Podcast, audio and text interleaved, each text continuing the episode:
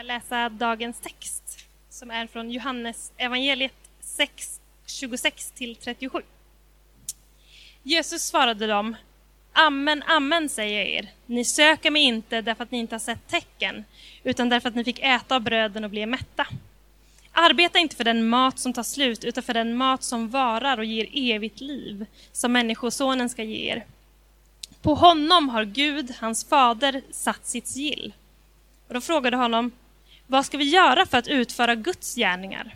Jesus svarade, detta är Guds gärning, att ni tror på den som han har sänt. De sa till honom, vad gör du för tecken så att vi kan se det och tro på dig? Vad kan du göra? Våra fäder fick äta manna i öknen så som det står skrivet, han gav dem bröd från himlen att äta. Då sa Jesus till dem, Amen, amen säger er, det är inte Mose som har gett er brödet från himlen, utan det är min fader som har gett er det sanna brödet från himlen. Guds bröd är det bröd som kommer ner från himlen och ger världen liv. De sa till honom, Herre, ge oss alltid det brödet. Och Jesus svarade, jag är livets bröd. Den som kommer till mig ska aldrig hungra och den som tror på mig ska aldrig någonsin törsta. Men jag har sagt er, ni har sett mig och tror inte. Alla som Fadern ger mig kommer till mig och den som kommer till mig ska, aldrig någon, ska jag aldrig någonsin kasta ut. Det är Guds ord till oss idag. Varsågod och sitt. Hej. Allt väl? Ja, vad trevligt. Ja, trevligt. Det är tur att vi har sån sommarvärme så vi har gudstjänsten lite senare så man hinner vara ute och njuta av det fantastiska vädret. Det är alltid vackert väder i Stockholm, eller hur Jakob? Ja, så är det. Ja, vi har kommit till det sista vägskälet i eh, den här serien i alla fall, det femte. Vi startar en ny serie nästa vecka. Det har varit en eh, ganska utmanande och omtumlande serie tycker jag för, för egen del. Det här med att välja härlighetens väg eller korsets väg. Att välja framgångens väg, det som gynnar mig, det som jag ja, men i min natur längtar efter, det som jag vill. Det är någonting som ger mig någonting. Eller att välja Guds väg, där Gud eh, har kallat det som ger Guds rike framgång och inte mitt rike. Ehm, och eh, det har varit enormt, eh, enormt utmanande tycker jag i alla fall. Och idag så är vägskälet som vi ska belysa vägskälet mellan att se eller att tro. Att leva ett liv i tro eller i åskådning. Det vill säga, ska vi förtrösta på de Guds gärningar som vi ser Gud utför eller ska vi förtrösta på Guds ord? Även när Guds gärningar lyser med sin frånvaro. I alla fall i det synfält som, som vi behärskar. Det finns ett uttryck på engelskan som lyder Seeing is believing, alltså det du ser är det du tror. Du har säkert mött en och annan arbetskamrat eller vän som har sagt till dig att om jag bara kunde få se Gud, då skulle jag tro. Om jag kunde se ett under eller ett tecken, då skulle jag tro. Och det är väldigt naturligt för oss att resonera så. Men hela Bibeln motbevisar det, för det är få människor som har fått se så oerhört många under och tecken som de människorna som levde runt Jesus, men ändå inte trodde. Så det är alltså en skillnad att tro på ett tecken och att tro att Jesus, som är brödet som är givet från himlen, som ger oss mättnad, inte bara för några timmar som kolhydrater kan göra, utan för evigt. Att inte bara mätta magen, utan att även mätta själen. Och det är det vi ska uppehålla oss kring idag.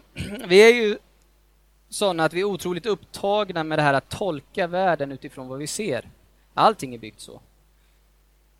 Men när vi kommer in i gudstjänsten eller firar gudstjänst eller börjar följa Jesus så är det väldigt mycket att vi bedömer också det på det här sättet. Hur starkt det är, hur det känns, vad Kristus gör och där blir vi ibland för vad vi har kallat i den här serien för härlighetsteologer istället för korsets teologer.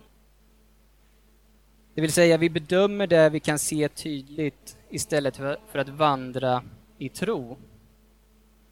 Vi vill helt enkelt ha bevis, helt enkelt. Vi vill ha någonting som vi kan ta på, någonting som vi kan se tydligt, någonting som är uppenbart, inte bara för mig själv utan för alla. För de flesta utav oss så räcker det inte med att Bibeln säger att om du tror på Herren Jesus så är du frälst. För det hjälper ju inte när man inte ser frälst ut. Vi vill se att det fungerar, eller hur? Vi vill se att den här tron ger lite payback, lite avkastning så att säga.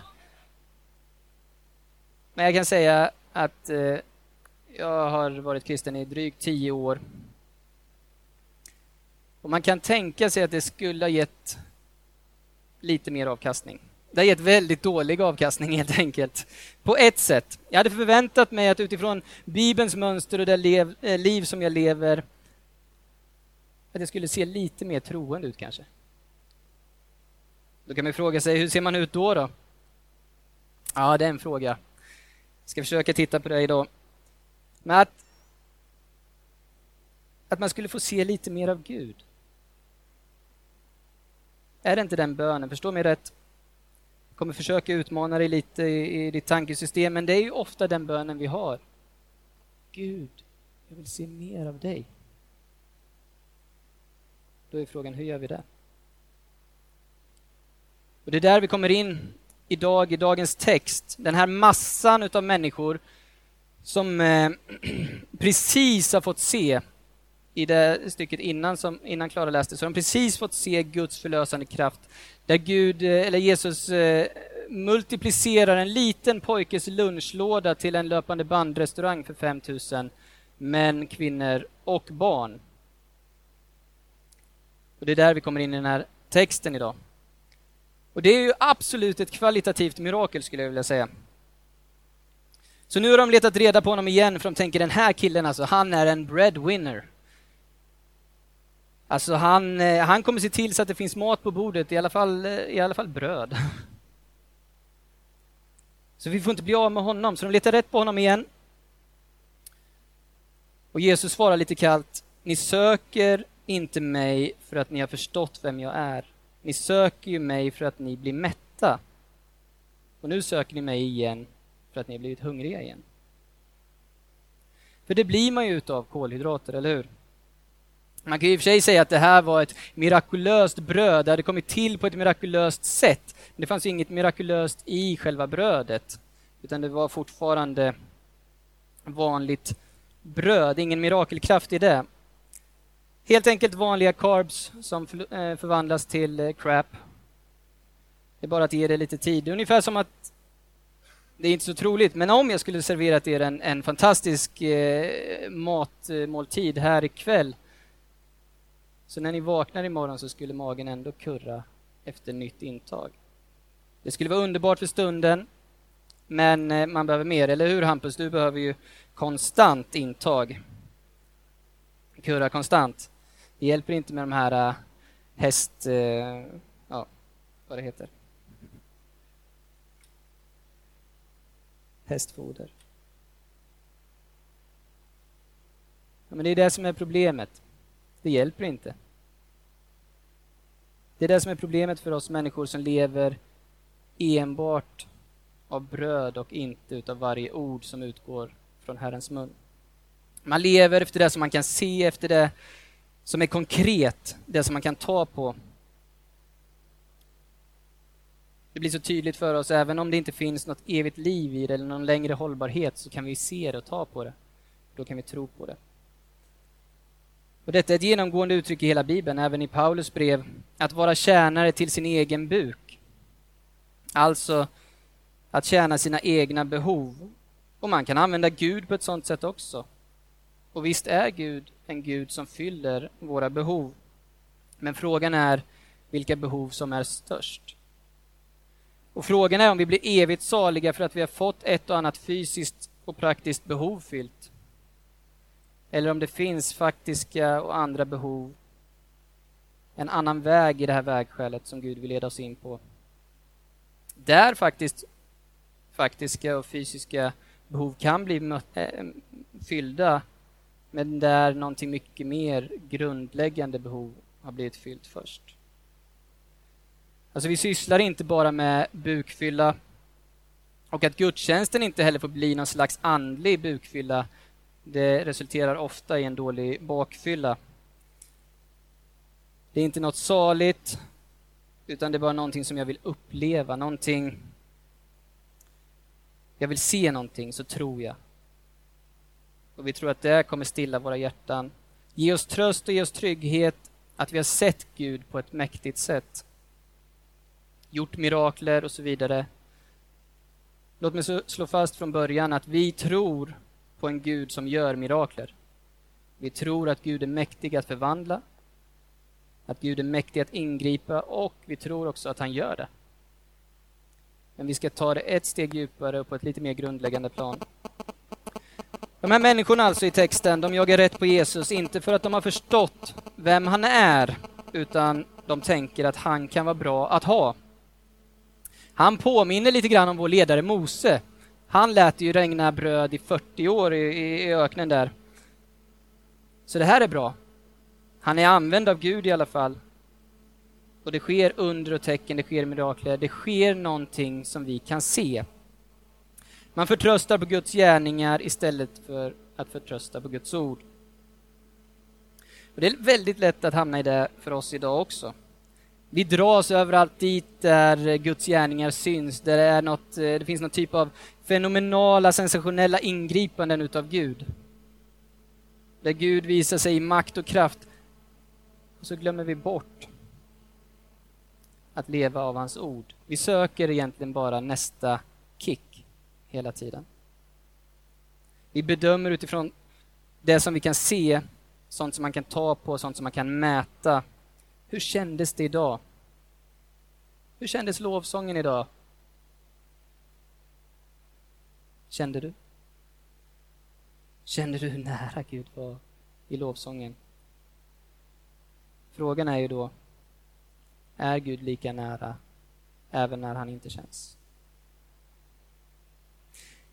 Eller är det upp till oss att bedöma det hela genom det vi kan se, känna och ta på? Är det kanske så att det faktiskt är farligt för oss att använda de mätstickorna då det för oss bort ifrån sanningen istället för till sanningen? För vad gör vi då när det inte känns? Alltså jag vet ju hur Gud ska kännas och han kändes inte idag. Vad händer då? Är det något fel i min tro idag? Stannade vi kanske lovsången för tidigt? Andreas, du skulle kört minst tre låtar till. Då, om vi bara ber lite högre, vi bara tränger igenom, då får vi se Gud. Vi ska alldeles strax eh, återvända till texten ska göra en liten sväng om där Paulus talar om eh, synligt versus osynligt i Andra Korinthierbrevet 4. Då säger Paulus så här. Därför tappar vi inte modet. Och det är ju bra. Har du någon gång tappat modet? Inte bara i allmänhet utan även i, i ditt kristna liv. Det här funkar ju inte. Alltså jag känner så ganska ofta. När jag ser hur lite utav Gud som syns i mitt liv. Tappa inte modet nu, men eh, det är så vi känner. Jag känner så ofta när jag ser mina tillkortakommanden. Jag längtar ju efter så mycket mer än det jag ser. Och då är det väldigt enkelt att tappa modet. Och Paulus då, som skriver det här, han säger det när han är attackerad och anklagad för att han predikar evangeliet om Kristus utan några under och tecken. Inget speciellt. Han är bara en galning, blir förföljd och han sitter i fängelse och så säger han att det skulle vara lätt att tappa modet.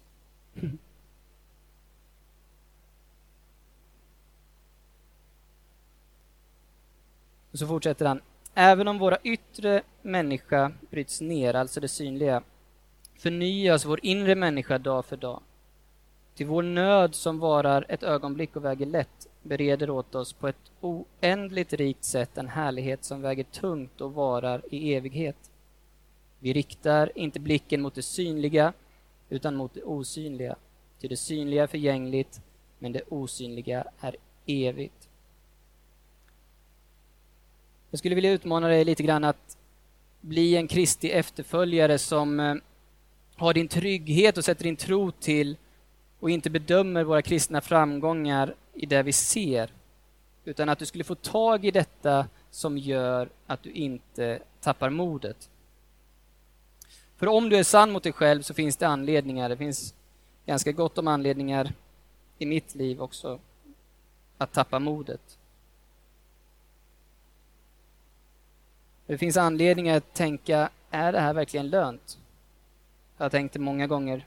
Är det lönt att fortsätta gå i kyrkan? Är det lönt att fortsätta läsa Bibeln? Är det verkligen lönt att be? Har det någon verkan egentligen? Jag tycker att det ger lite dålig avkastning i mitt liv. En kristen tro som baseras på det som man ser, märker, det som är synligt, som är härligt. En kristendom där man ser rättfärdigheten. Alltså inte... Det är ingen snack om att jag är frälst. Det syns ju. Jag är en glad skit och jag har börjat säga Sören istället för något annat. Eller I Jönköping, där, eh, där eh, vi kommer närmast ifrån, där säger man för sjön istället. Jag ser ju frälst ut, jag säger för sjön istället. Förstå mig rätt, det är inte fel med det, men jag skulle vilja säga att problemet är när vi sätter vår förtröstan på det som syns, för den rättfärdighet vi får ta emot från Gud som inte är synlig rättfärdighet, utan en osynlig. Att vårt liv, vårt nya liv är fördolt med Gud, det går inte att se, det går inte att peka på. Tvärtom så går det att peka på väldigt mycket annat i mitt liv. Mycket synd att ta på, saker och ting som gör en modlös, går att ta på misslyckanden. Som den där gången jag bestämde mig för att jag skulle be och så gjorde jag inte det. Och nu så var det ett bra tag sedan jag började be. Och då känns det modlöst att börja igen. Jag Har känt så någon gång? Jag känner så ganska ofta. Om det är grunden för hur frimodiga vi är inför Gud, vilken tröst det ger vårt eget hjärta, då är det en ganska fattig källa att ösa ur. När vi söker de synliga tecknen som kan tala till oss,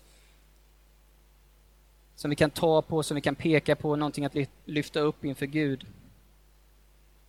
Och Det är ju precis det som den här skaran gör som, som eh, följer efter Jesus. De söker efter det materiella, efter det synliga, efter brödet.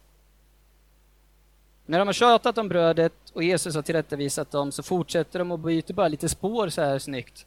Okej, okay, vi tar något annat synligt då det vill säga deras egna gärningar. Okej, okay, om inte Guds gärningar kan få oss att tro, så kan väl jag få tro på mina egna gärningar då. Johannes 6.28. De frågade, vad ska vi göra för att utföra Guds gärningar då? Okej, okay, så om det inte är dina gärningar, Jesus, vad ska jag göra då? Hjälp oss, ge oss någonting praktiskt som vi kan göra, så gör vi det. Och det kan man säga är ganska typiskt för oss.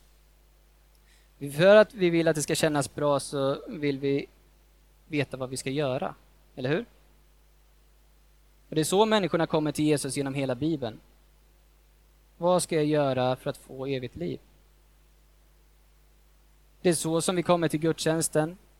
Linus, ge mig inte något abstrakt här nu som att du är förlåten. Säg vad jag ska göra. Jag skulle kunna säga att vi är katoliker hela bunten. Om jag ger er 49 Hail Marys så skulle det vara enklare. Då har ni sett vad ni har gjort. Det hade känts lite bättre. Det är bara nonsens. Det är redan fullbordat, du är förlåten. Men jag ser det ju inte. Det känns inte så. Det hade känts bättre om vi hade kört löpvarv här inne. Vi får springa tio varv så kan vi räkna när vi är klara. Så bara, done, check, kan vi ticka för den, den rutan. Nu har jag gjort det. För att det är så svårt att ta emot i tro där jag inte kan se. Jag vill leva mitt liv i åskådning. Jag vill hem och späka mig, slå mig på ryggen med livremmen. Nej, det har du aldrig gjort. Jo, det har du visst det, massvis med gånger. Men inte med livremmen, du har gett dig själv rött kort på något annat sätt. När du liksom haft en ovanligt syndig vecka som eh, jag har varje vecka. Och så är det någon som ringer och säger, ska du med på gudstjänst idag? Nej, jag, nej, jag kan inte det. Jag måste vara hemma och jobba lite mer på mig själv så jag kan vara en glad prick nästa vecka. Men vem är jag att komma dit glad? Jag har inget att vara glad för. Jag är full av synd. Vad ska jag göra så jag kan utföra Guds gärning? För det andra i det här stycket så är de ju enormt högmodiga. Säg bara vad vi ska göra så gör vi det. jo, det har gått bra hittills. Det var ungefär som eh, Israels folk sa när de kom ut i Egypten.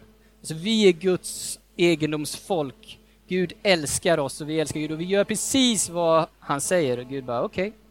ska inte dra er i långbänk. Jag ger er tio saker. Tio saker, okej? Okay? Ja. Så om du söker efter det här, att det känns bara bättre om jag gör så här eller så här. Det är fullt av grejer som du ska göra som står i Guds ord. Och hur går det med det? För mig går det åt skogen. Och de här grejerna som står i Guds ord, de är inte främst där för att du ska göra dem och känna yes, check, vad skönt. Jag är verkligen, jag har verkligen förtjänat min frälsning. Utan de är ju där för att bevisa dig igen och igen och igen att även om du känner till Guds vilja så gör du den inte. Så det finns alltså ingen tröst i lagen, det finns bara fördömelse. Det finns bara gång på gång, ja, jag vet vad som är Guds gärningar, men jag gör dem inte. För att vi vill ha någonting som vi kan peka på, någonting som vi kan se, någonting som vi kan lyfta upp för oss själva, för varandra och inför Gud. Vad är det du tröstar dig med när du känner dig anklagad och fördömd? Ja, men jag har ju i alla fall... finns ingen tröst i något som börjar med jag har finns bara tröst som börjar med han har. Han har.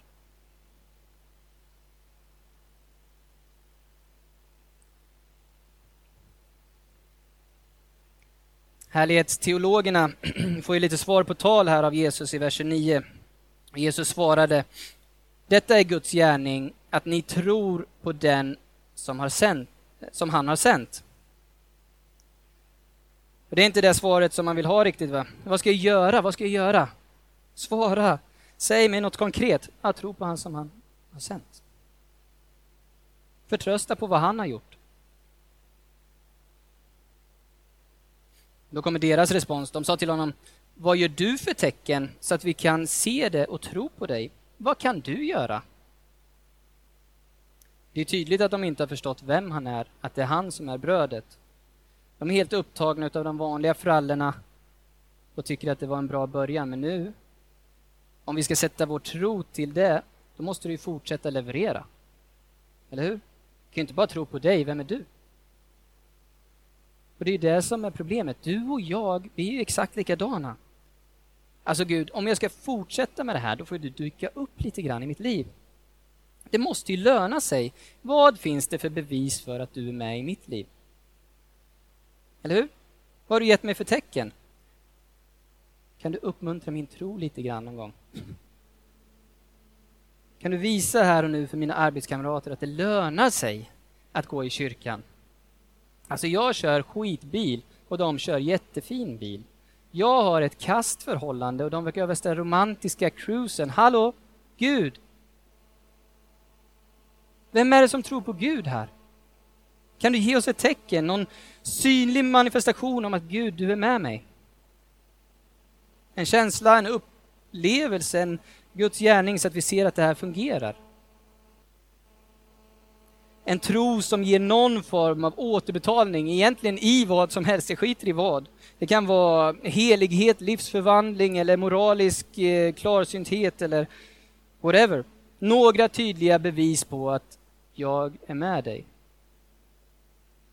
För det är så vi mäter, eller hur? Så mäter vi även vår kyrka. Du kanske har kommit hit idag för att se, är Gud i United? Du sitter där och känner, nej, jag kände inte att han var där idag.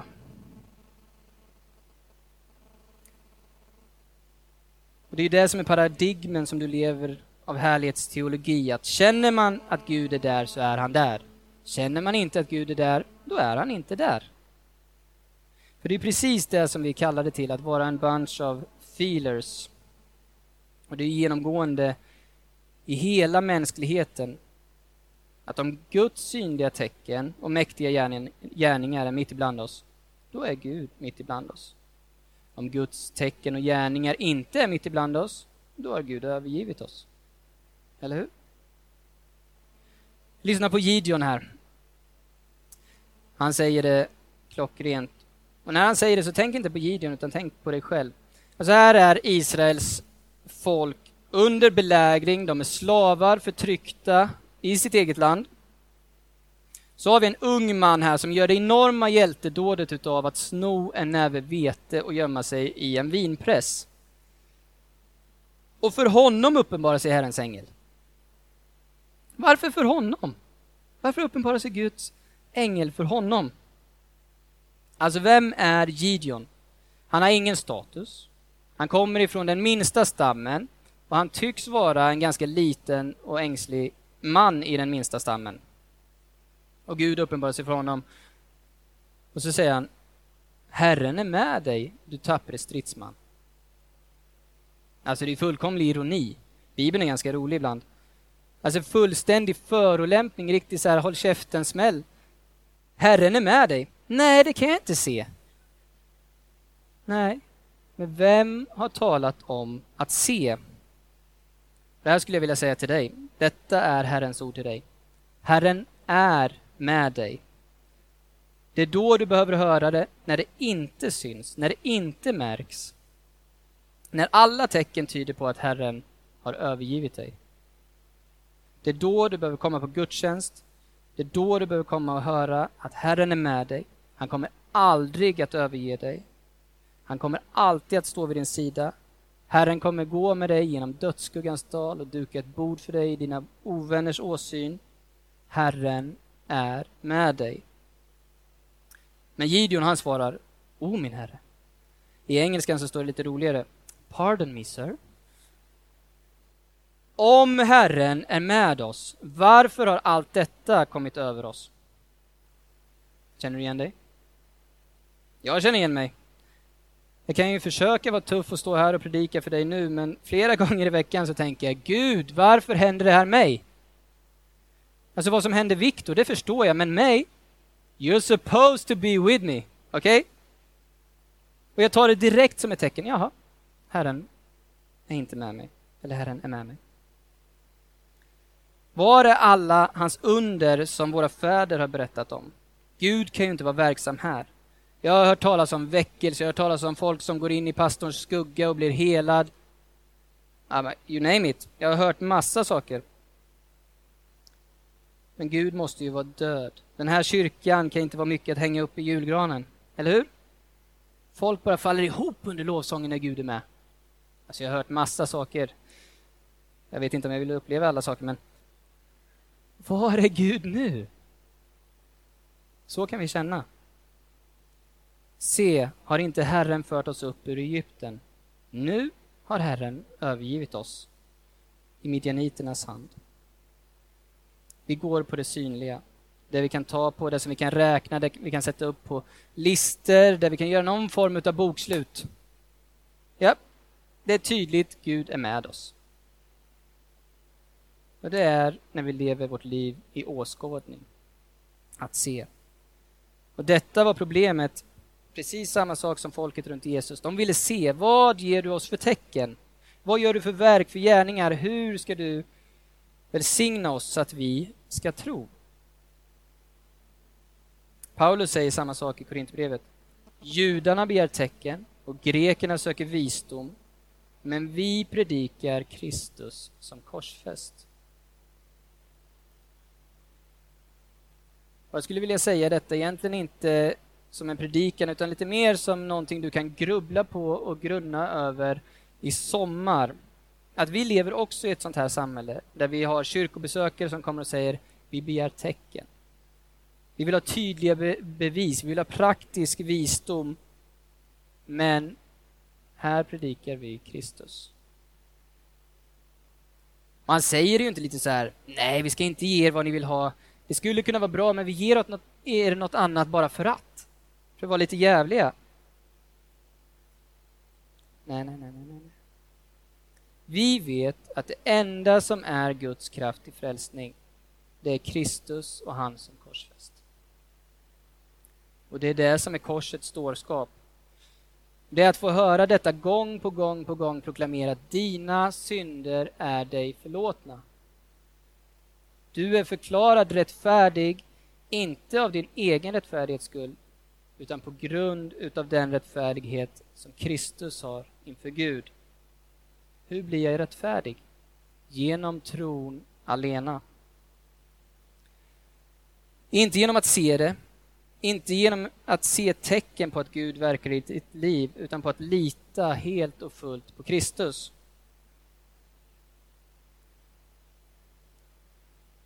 Och det är den förvandlingen och befrielsen som de längtar efter här i Johannes 6.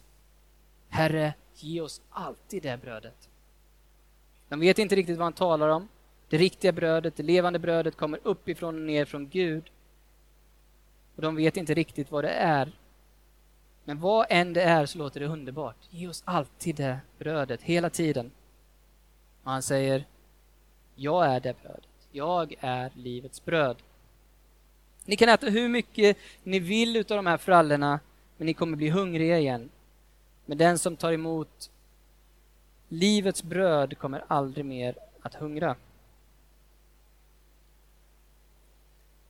Alltså, vad vi behöver är inte vad jag kan ge er, utan ni behöver mig. Vad du behöver är inte vad Kristus kan ge för dig. Fixa till dig i någon form av grejer och välsignelser. Vad du behöver är att bli mättad utav Kristus själv. Att inte söka Kristus för vad han kan fixa för dig, utan helt enkelt bara söka Kristus för den han är.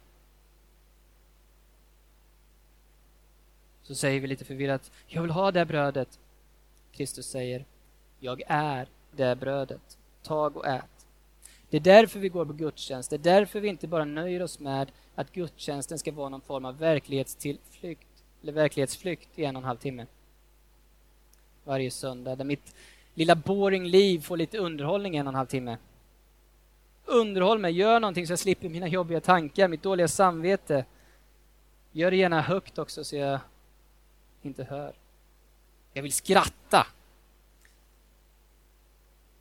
Jag tror inte att vi behöver underhållning i kyrkan. Jag lever i ett samhälle som är fullt av underhållning. Är det fel? Absolut inte. Men jag vet ju var jag ska hitta det. Eller hur? Jag har Netflix. Nej, jag bara skojar. Men det är ju inte brist på underhållning i vårt samhälle idag. Och underhållning, jättebra. Det slår bort tankarna, det som man inte vill ta tag i. Och så tar vi med det här tänket till kyrkan. Är det lite tråkigt i kyrkan? Lite tyst tycker jag. Sångerna de, de gick lite långsamt. Det är så allvarligt, det är så tyst så jag hör mina tankar. Bra. Bra. Kanske skulle vi bevara en helgad plats i det här samhället. Där vi kan kliva in, där vi får lov att landa i oss själva. Där vi får lov att känna lite på våra tillkortakommanden och så bara lyfta fram dem inför Gud. Gud, jag behöver livets bröd. Jag behöver ta och äta utav Kristus igen. Jag behöver det som är unikt för kyrkan. Det som jag inte kan få av någon annan underhållning. Det som ingen fest kan ge mig, som inga pengar eller någon framgång någonstans kan ge mig, utan som bara Kristus kan ge mig. Ge oss det brödet alltid. Därför vill vi dedikera oss själva till att ge dig, inte alltid det du vill ha, men det som vi vet är bra. Det som du behöver. Judarna begär tecken, grekerna begär visdom, men vi predikar Kristus. För Kristus är det brödet, det kan du lita på. Vi vet att du behöver evangelium, jag behöver evangelium gång på gång på gång på gång för att kunna leva i den här tron. Tro kommer inte av att se, tro kommer av att höra. Bibeln vänder på det där begreppet. Den här världen säger seeing is believing, att när du kommer se det kommer du tro det. Och vi kan snabbt adoptera det in till kyrkan. Om folk bara fick se lite under och tecken. Vi tycker ju om att eh, göra stories utav människor att det här var Pelle och han eh, var heroinist när han var fem och eh, gjorde bankrånarturné när han var tio och satt i isoleringscell när han var tretton. Ju värre det är, desto bättre är det, eller hur? Alltså han är helkroppstatuerad även innanför ögonlocken och vi bara matar på. Och det är inget fel av det, alltså jag är inget narr av det. Jag har själv en hyfsad story. Men sen så gillar vi att bara, wow, se på honom nu. Titta vad han gör idag. Han rånar inga banker längre. Han är ute på stan och sjunger Pärleporten. Vi känner wow, det där kan jag tro på. Men Bibeln säger att tro kommer, av, kommer inte av att se. Tro kommer av att höra förkunnelsen av Kristi ord. Om och om och om igen. Mata sig med Guds ord. Och är det inte det som Jesus säger till dem i dagens text i vers 36? Ni tjatar och tjatar och vill se. Ni tjatar och tjatar och vill se det och ni har ju sett mig men tror ändå inte. Det är ju slut på all argumentation. Ni vill se, ja men ni har ju sett men ni tror inte. Vad ska de tänka där? Jag vill se, jag vill uppleva. Jesus bara, det här är det fetaste tecknet du någonsin kommer få se. Gud blev människa, född i en krubba, snickarson. Så bara kommer han ut, bam! Här är jag, livets bröd sänt från himlen. Nej, det kan vi inte tro på.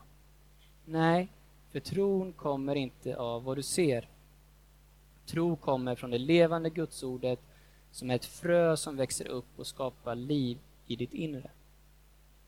Motsatsen för tron är motsatsen till att se. I brevbrevet 11. Tron är en övertygelse om det man hoppas, en visshet om det man inte ser. Det är vad tro är. Jag skulle vilja säga att vi behöver bli ett trons folk som lever inte i åskådning utan i vad vi tror. Det som Guds ord förkunnar till oss. Därför behöver vi också bli ett gudstjänstfirande folk.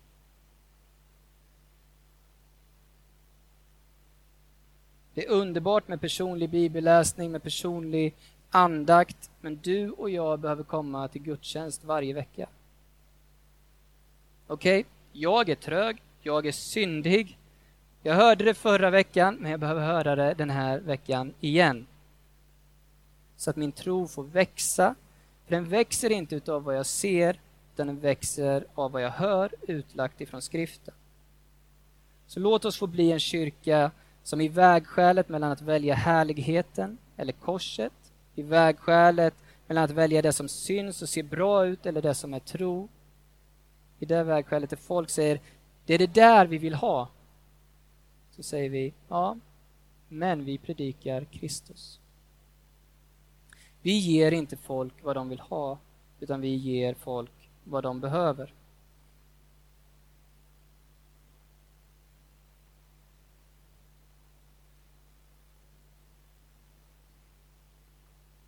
Då kanske du säger så här. Ja, men Linus, det är svårt att tro. No kidding. Och det blir svårt för människor att komma till tro om vi inte liksom lockar dem på något sätt. Om vi inte låter människor få vad de vill ha. Ja, jag håller med dig. Jag skulle säga att det är svårt, eller jag skulle faktiskt säga att det är helt omöjligt. Det är ingenting som vi kan ta på oss själva eller göra i oss själva. Det är därför Jesus avslutar hela det här med att säga Alla som Fadern ger mig kommer till mig och den som kommer till mig ska jag aldrig någonsin kasta ut. Det är ett verk utav Gud. Och Gud verkar där ordet predikas. Så när vi predikar så talar vi inte bara till det här normala attraktionscentrat som du och jag har. För det normala för dig och mig är att vi söker något form av tecken. Linus, du har inte gett mig någonting praktiskt. Jag vill ha fem nycklar till ett mer awesome life. Jag vill ha, ge mig... Jag håller på att gå under på grund av jobbet eller barnen eller frun där hemma eller... Ah, whatever. Ge mig bara fem grejer så jag får ordning på mitt flipping liv, eller hur? Men det är precis som grekerna, vi vill ha visdom eller som judarna, vi vill se mer av Guds kraft.